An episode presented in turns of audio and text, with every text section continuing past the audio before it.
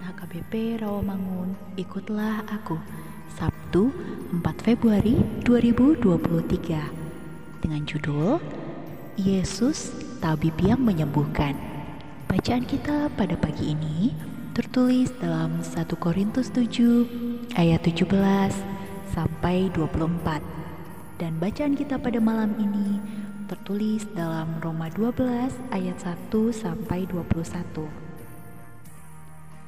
Dan kebenaran firman yang menjadi ayat renungan kita hari ini ialah Markus 2 ayat 17 yang berbunyi Yesus mendengarnya dan berkata kepada mereka Bukan orang sehat yang memerlukan tabib tetapi orang sakit.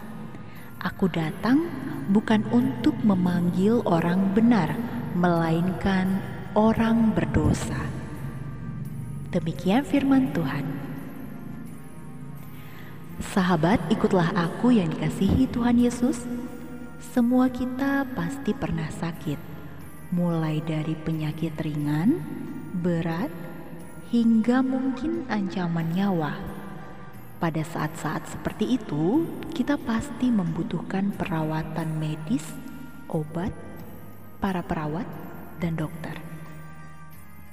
Kalau kita sedang sehat, tentu kita pun haruslah menjaga agar kita terhindar dari penyakit. Demikian halnya dengan kita orang-orang berdosa ini. Kristus datang ke dunia ini bukan karena kebenaran diri kita sendiri, melainkan justru karena keberdosaan kita. Seperti Lewi anak Alfeus dia adalah seorang pemungut cukai yang tidak pernah luput dari dosa.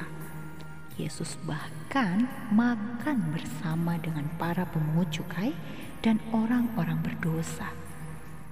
Yesus tidak menjadi eksklusif menarik diri dari mereka, sebab untuk itulah Yesus datang agar orang berdosa diselamatkan dan mereka beroleh hidup kekal di dalam Yesus Kristus.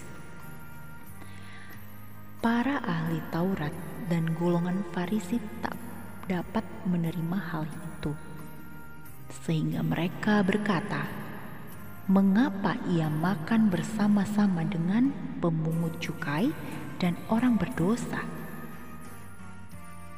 Yesus makan bersama dengan mereka Tentu saja bukanlah karena Yesus kurang makanan. Yesus juga tidaklah melakukan pembiaran terhadap dosa-dosa mereka saat mereka makan bersama.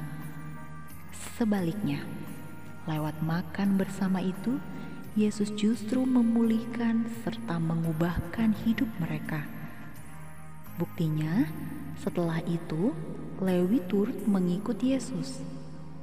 Inilah momentum makan bersama antara Yesus dengan mereka yang membawa perubahan, pemulihan, kesembuhan, serta komitmen untuk mengikut Yesus. Amin. Mari kita berdoa. Ya Tuhan, Engkaulah tabib yang sejati dalam hidupku. Sembuhkanlah segala penyakitku ya Tuhan, maka aku akan sembuh. Ampunilah dosa-dosaku ya Yesus, maka aku akan menjadi tahir di hadapanmu.